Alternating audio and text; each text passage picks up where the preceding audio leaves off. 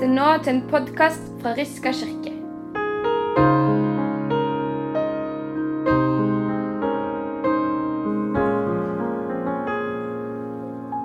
Dersom en av dere har en tjener som er ute og pløyer eller gjeter, vil han da si til tjeneren når han kommer hjem fra markene, Kom nå og sett deg til bords.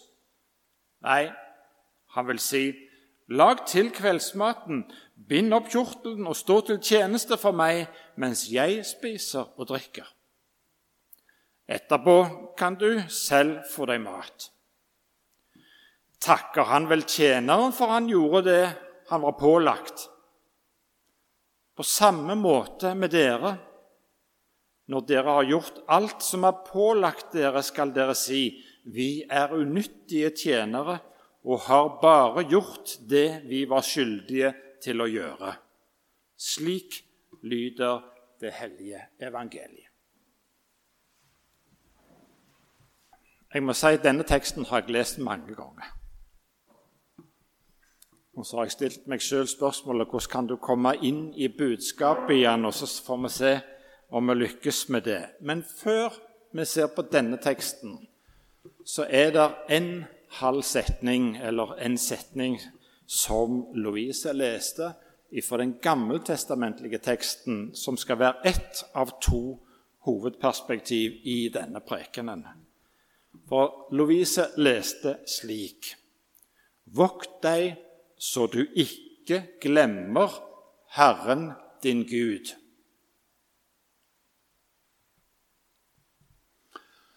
For noen av dere Enten du har lest teksten før du kom, eller du hører det nå, så vil dette kanskje minne deg om eller bekrefte det strenge gudsbildet med denne uh, store, sterke farspersonen som retter pekefingeren opp, og så sier han 'vokt deg', pass på.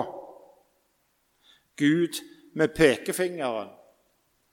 Eller kanskje noen får bekrefte et, et langvar, en langvarig oppfatning av at Gud er den strenge, og at Bibelen stort sett består av trusler, eller fortolkningen av Bibelen består av trusler.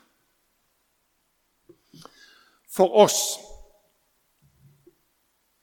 som har et liv bak oss, eller er midt i livet med å gjøre troserfaringer med Gud, så er klar tale fra Guds side et tegn på hans omsorg og at han bryr seg. Gud vil deg noe godt når han i Det gamle testamentet lar det stå 'Vokt deg, så du ikke glemmer Herren din Gud'. Ikke glem Gud. Og Så er spørsmålet hvordan kan vi medvirke til at det ikke skjer? Og når jeg satt og tenkte på dette, så tenkte jeg nå pirker du borti den vonde samvittigheten til folk. Det er Guds omsorg og Guds tilgjengelighet som ligger i dette, at Han trer fram og inn i ditt liv når du leser, når du lytter etter Guds ord. Det du har gjort her i denne gudstjenesten, da åpner du opp for Gud. Når du folder dine hender og ber, enten du ber ei fri bønn med dine egne ord, eller du leser ei bønn som noen har skrevet, da blir du minnet om at Gud er Herren din. Og ved å dele fellesskapet, slik vi gjør her nå På en særskilt måte har Gud gitt oss søndagen for å dele det kristne fellesskapet. Og hva skjer med oss når vi er i denne sammenhengen? Jo, vi blir minnet om Herren vår Gud, og at Han er en del av livet vårt og livet ditt. Sørg for å bli minnet om Guds eksistens i ditt liv. Enten du føler for det, eller du ikke føler noe som helst. Guds ordet vender ikke tomt tilbake. Det du leste denne morgenen før du kanskje kom, eller at du hørte på en radioandakt, eller hva det måtte være, det vender ikke tomt tilbake, og du er minnet om Guds eksistens i ditt liv. Skap deg gode rutiner, gjerne faste tidspunkter for det. Leit fram hjelpemidlene. Bibelen, salmeboka, en leseplan, ei andagsbok eller radioandakten, hva det er. Gud vil så gjerne inn i våre liv. Han inviterer seg inn i hverdagslivene våre. Ikke bare søndag formiddag, men han vil inn i vårt mandags- og tirsdagsliv. Men det er du sjøl som å lukke opp døra. Da kommer han inn. Da tar han bolig i livet ditt, inn i tanken din, inn i følelsene dine, inn i handlingene dine, ja, inn i holdningene dine. Så var dette det første punktet. Gud vil inn til oss. Så til dagens tekst. Som jeg innleda med, så har jeg balt litt med den. Hva er det Jesus vil fortelle med denne lignelsen? Jesus taler ganske ofte i lignelser for å få fram et poeng eller et hovedbudskap, en, en, en, en hovedtanke.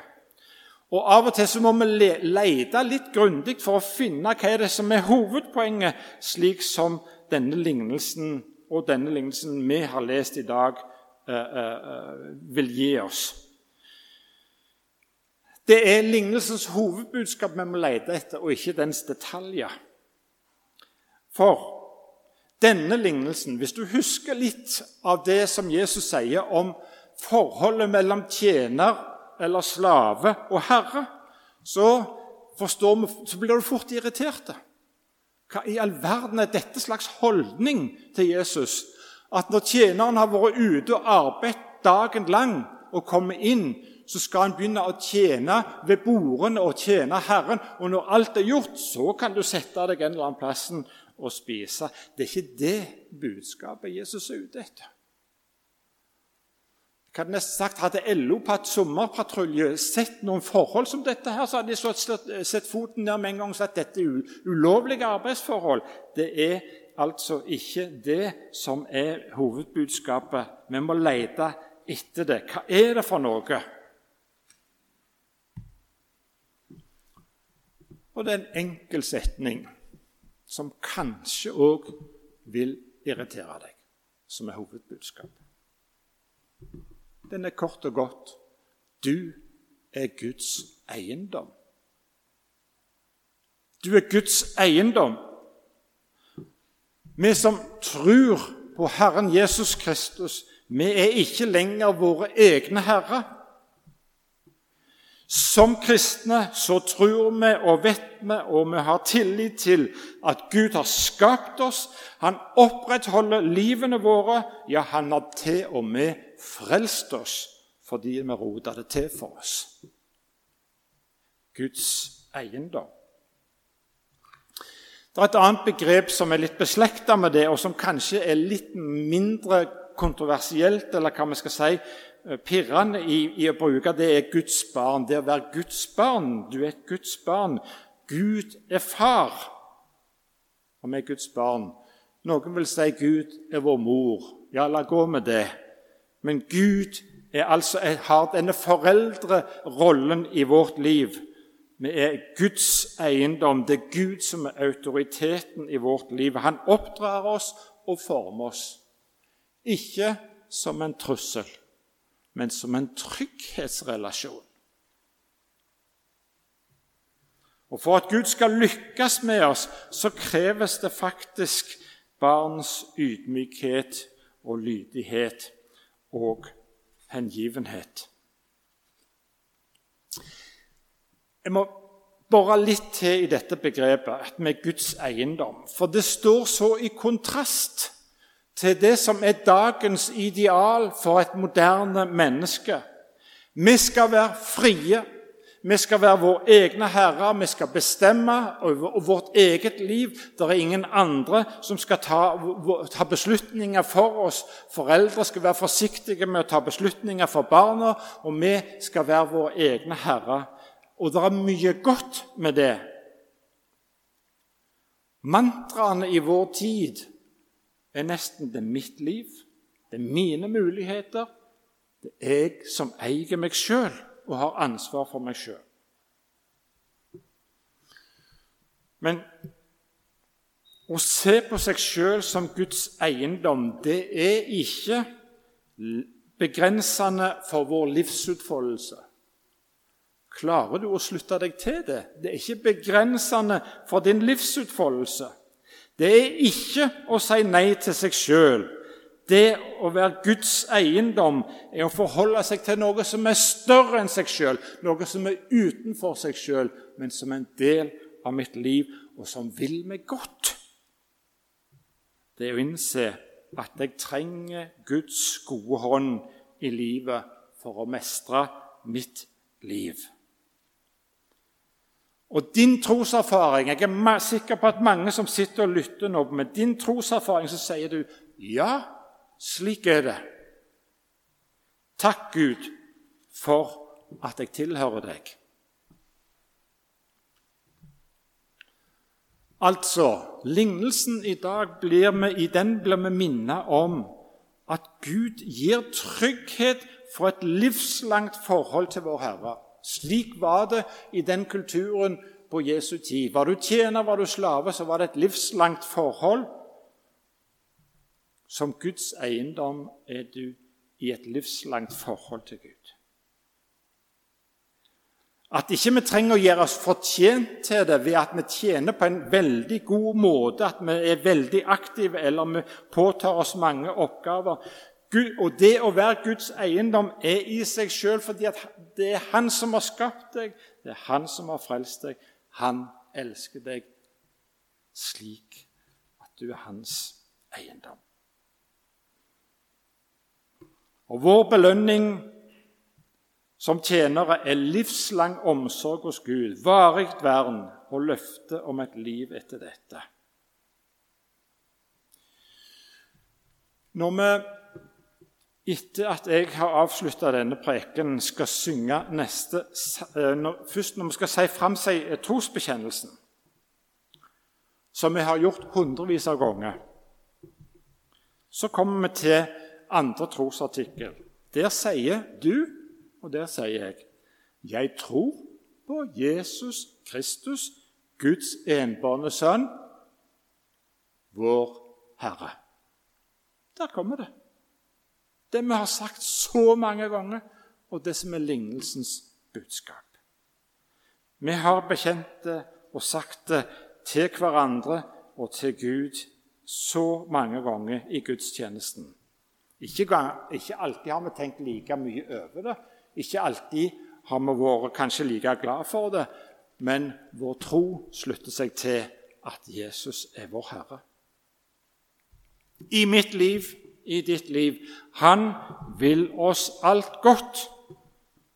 Og Vårt svar på at han er vår Herre, er at vi hele tida lar oss bli minnet om at Jesus Kristus, ja, Gud Fader sjøl, er en del av vårt liv.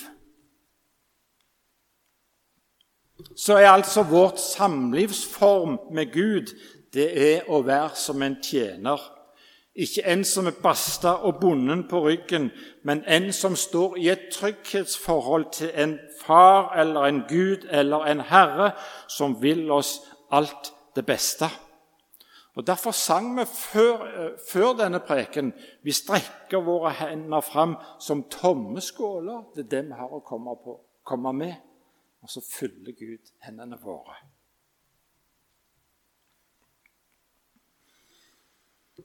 Vingårdssøndagen handler jo, Hvis vi ser på de, andre tekst, de to andre tekstrekkene, så handler det veldig mye tydeligere om tjeneste og misjon. Men i dag ønsket jeg å legge vekt på dette når det plutselig gikk opp for meg at disse sannhetene bor i lignelsen. Når vi nå skal synge neste salme etter prekene, så er det 'Her er vi Herre'. I første vers Legg merke til det i første verset som står der i første strofe 'Her er vi Herre'. Jeg håper du er med og synger den strofa. Det er en bønn. Her er vi Herre. Og det er det vi har snakket om i preken. Her er vi Herre. Hovedtema, som i trosbekjennelsen. Og så er denne salmen Det er ti korte vers som vi skal synge alle vers. De spurte før gudstjenesten skal vi virkelig synge alle de versene. Ja, det sa jeg. Vi skal synge alle ti. De er korte, og de er fine. Og så i hvert eneste vers så står det 'Vi tilhører deg'. Tenk så flott at vi kan si det til hverandre, som vi hører hverandre si og synge 'Vi tilhører deg, du gode Gud'. Vi synger det som en kjærlighetserklæring til Gud. En konstatering av at Gud har, slik Gud har elsket oss, så skal vi få gi tilbake vår kjærlighet til Han. Og vi sier hos Gud er vi trygge. Hos Gud er du trygg. Du er hans eiendom. Ære være Faderen og Sønnen og Den hellige ånd, som var og er og blir en sann Gud fra evighet og til evighet. Amen.